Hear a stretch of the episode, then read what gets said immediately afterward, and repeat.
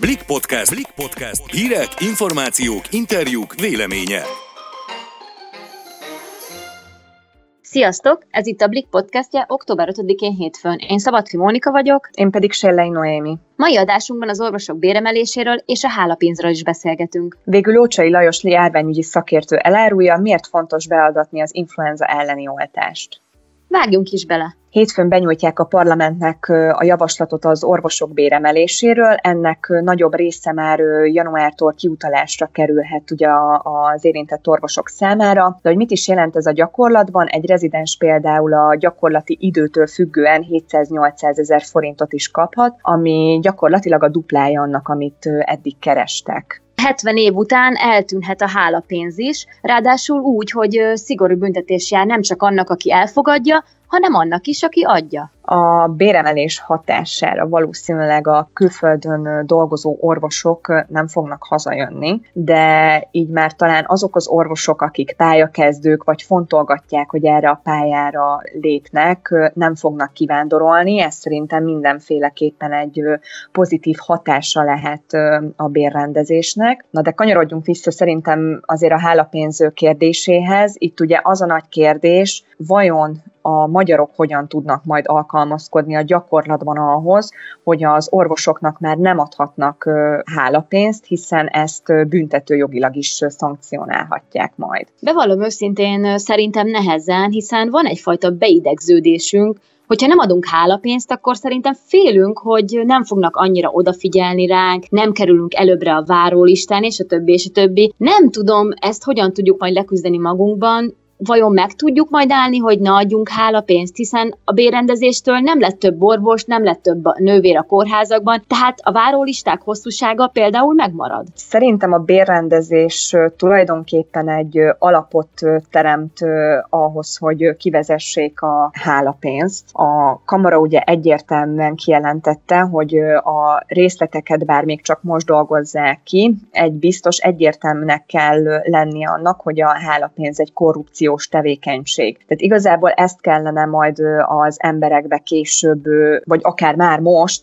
tudatosítani, de egyelőre azért irreális elképzelés, elvárás az, hogy amikor a törvénykeze nem látja az embereket, ne csúszson oda az a bizonyos boríték az orvosokhoz. Egy biztos egyértelmű szabályok kellenek ahhoz, és valamiféle társadalmi felvilágosítás, hogy egy több tíz éves gyakorlatot megváltoztassunk az emberek fejében, valami átkattanjon. Ami viszont most égetőbb kérdés, hogy az orvosi bérrendezés okoz-e vajon bérfeszültséget az egészségügyi dolgozók körében, és milyen mértékben? Amúgy a Független Egészségügyi Szakszervezet már közleményt is adott ki ebben a témában. Ennek alapja, hogy az orvosi béremelés ugye nem jár együtt a többi egészségügyi dolgozó béremelésével. Azaz egy ápoló például nehezményezheti, valljuk be jogosan, hiszen ugyanolyan elengedhetetlen csavarja annak a motornak, ami az egészségügyi rendszert működteti, hogy az ő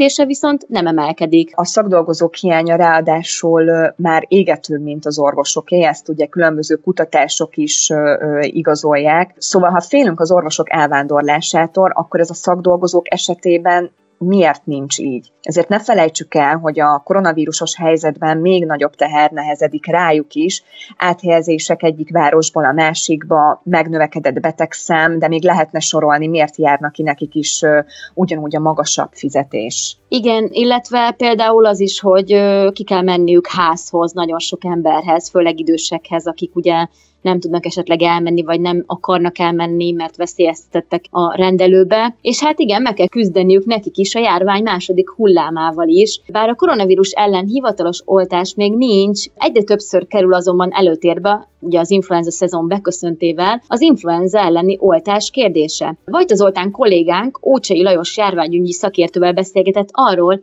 Miért is fontos ezt beadatni? Igen, az influenza oltás azon védőoltások közé tartozik, amelyik 100%-ban nem akadályozza meg a megbetegedést, csak körülbelül 70-80%-ban a klinikai szüneteknél a kialakulását, viszont a szövődményeket, főleg időszeknél a szövődményeket több mint 90%-ban megakadályozza. Sajnos az influenza ellen évente oltani, oltatni kell magunkat, ha azt akarjuk, hogy védettek legyünk, mégpedig azért, mert az influenza vírus egy uh, olyan vírus, amelyik uh, nagyon gyakran mutálódik, és mindig a legaktuálisabb oltóanyaggal kell magunkat beoltani ahhoz, hogy a védelem minél magasabb szintű lehessen. Az nem jó, ha egy betegségnek a lappangási szakába egy védőoltást kap az ember, tehát gyakorlatilag próbáljuk meg azt elérni, hogy koronavírusos expozícióba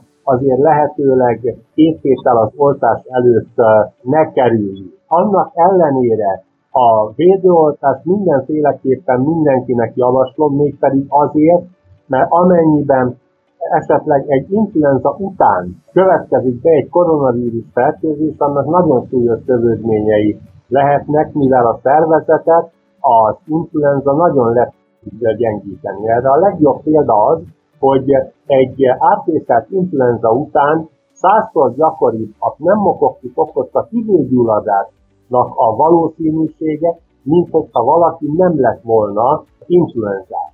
Mi a helyzet azokkal az aggodalmakkal, hogy nagyon sokan tünetmentesen hordozzák a fertőzést, vagy nagyon minimális, már hogy a koronavírus fertőzés, vagy nagyon minimális tünetük van. Ha valakiben ott van már a, a koronavírus, és közben kap rá egy oltást, egy influenza oltást, az nem egy dupla terhelés az immunrendszernek, nem válthat egy ki pont ellenkező hatást, mint amire számítunk. Fölmerülnek az emberekbe, de az influenza oltóanyag egy annyira tisztított, szervezetbe kerülő ágens, hogy ez komoly megterhelést a szervezetnek nem jelent. Csak gondoljuk bele, hogy a gyerekeknél is néha 3-4-5 féle megbetegedés ellen egyszerre kapnak védőoltást, és a gyerekeknek a döntő többsége még csak be se lázatott. Na most amennyiben valaki tünetmentesen hordozza a vírust, az nem megbetegedés. Tehát itt arról van szó, hogy lázas beteget nem szabad védőoltani, és ez mindenféle védőoltásra vonatkozik, nem csak az influenzára. Azt tudni kell, hogy az influenza védőoltás az nem egy élő, gyengített kórokozó, hanem az egyikféle oltóanyag egy előtt kórokozó, ami nem tud megbetegedést okozni, a másik pedig a kórokozónak csak egy szegmensét tartalmazza, ami annál inkább nem tud. És ezeknek a vizőanyagai minimális mennyiségbe fordulnak elő, hogy ez nem jelent az egészségre veszélyt. Említette, hogy a influenza fertőzés után védtelenebb lehet a szervezet a koronavírussal szemben, koronavírus szövődmény, a tüdőgyulladása, meg egyéb mindenféle fertőzéssel szemben. Ez most a fiatalokra is vonatkozik, akik mondjuk adott esetben minimális köhögéssel, légúti tünettel vészelnék át a koronavírus. Nekik miért fontos nekik is az oltást beadni? Azt hallottuk, hogy az időseknek nagyon fontos máskor is, de most különösen fiataloknak is ingyenesítette a kormány az oltást.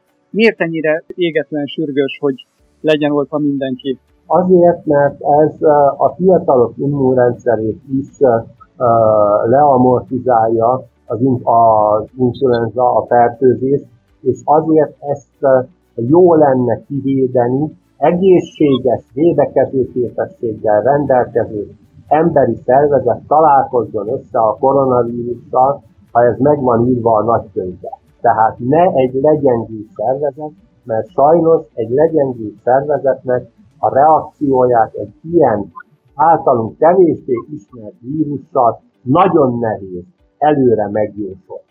És azt azért jó, ha tudjuk, hogy egy el nem kapott fertőzésnek, egy el nem kapott megbetegedésnek nincsenek szövődményei, és nincs halálozási rákság. Mikortól lehet az influenzaoltást kérni? Házi orvost kell hívni, vagy, vagy másképp jutunk hozzá? Hát ez most jelen pillanatban én nem vagyok benne a rendszerben, most nem tudom, mi lesz a rendszer, de minden évben október közepe vége táján jelenik meg az influenza oltóanyag. Ugye itt az influenza víruskörzeket február végén határozza meg a WHO, hogy mi kell az oltóanyagba, ezt utána el kell szaporítani, és elő kell állítani az oltóanyagot, tehát ez sajnos előbb nem tud megjelenni, mivel minden évben ugye új oltóanyagot gyártanak. Valószínű, hogy a házi orvosok fogják végezni az oltást. Én föltételezem, hogy a betegrendeléstől elkülönített időbe éppen azért, hogy lappangási időben lévő beteg vagy személynek adják be a védőoltást. És akkor az, hogy ez októbertől, október-november, amikor itt már nagyon az adatok alapján az látszik, hogy még jobban el fog terjedni a koronavírus járvány, akkor ez, akkor ez így kockázatot nem jelent azoknál, akik nem betegek koronavírustól. Aki meg beteg, akkor önnek értelemszerűen meg kell gyógyulni előbb. Utána érdemese influenzával oltani, aki már túl van a Covid-on, akár lábon kihordta. Ha túl van rajta és már egészséges, akkor igen. Amennyiben még nem esett át rajta teljes mértékben, tehát nem gyógyult föl, nem érzi magát fizikálisan is megfelelő állapotban, úgy nem valószínű, hogy érdemes magát beoltatni, és annál inkább, mert a déli féltekén az idei év is bebizonyította, hogy amennyiben a maszk használat rendeltetésszerűen történik, és megfelelő módon, úgy ez befolyással lesz nem csak a koronavírus terjedésére, hanem az influenza terjedésére is. Tehát elképzelhető, hogy az influenzás megbetegedéseknek a száma is csökkenni fog, ami egyébként egyáltalán nem baj, mert egy Magyarországon szokásos influenza járványban sajnos a plusz halálozás az 3-4 ezer főbe szokott megjelenni, sajnos, ami mind előrehozott halálozás, ami védőoltással kivéthető lesz. Meg tudna győzni influenzaoltást ellenzőket, hogy ez fontos ez az oltás? Aki csak influenzaoltás ellenes, azoknak a meggyőzését uh, vállalja. Aki oltás ellenes, azokat észérvekkel nem lehet meggyőzni, és nem lehet velük építő vitát uh, folytatni, mert ez őnáluk kérdés, és a hitvitába bocsátkozni lehet, de nem érdemes, mert úgyis eredménytelen lesz. Aki az influenza védőoltást ellenzi csupán, azokat simán adatokkal meg lehet arról győzni, hogy mennyivel kevesebb szövődmény fordul elő, és például csak gondoljon bele egy diabéteses, aki elkap egy influenzát, és fölmegy a lázat 39-40 fokra, ami egy influenzánál természetes, a cukorháztartása fölborul, normálisan, tehát ha nem beteg, akkor is rettentő nehéz karba tartani a cukrot egy súlyos cukorbetegnél, viszont olyankor, amikor 40 fokos láza van, ez szinte lehetetlen. És itt gyakorlatilag az influenza az alapbetegséget, tehát a cukorbetegséget provokálja, és ez miatt kerül az illető kórházba, vagy sajnos a legrosszabb esetben esetlegesen meghalhat. A szív- és érrendszeri betegeknél is ugyanez a, a helyzet tulajdonképpen. Ugye itt az érrendszer már valahogy károsodott a cukorbetegeknél is. Ezért sokkal gyakoribb az agyi történés például olyan embereknél, akik szív- és érrendszeri betegséggel vagy cukorbetegségbe szenvednek, sokkal gyakoribb a második, harmadik infarktus és agyi történés az influenza átvészelésével, mint azoknál, akik védőoltottak, és így nem kapták meg a megbetegedést. Köszönjük, hogy a Blick podcastjét hallgattátok, legközelebb hétfőn találkozunk. Sziasztok! Sziasztok!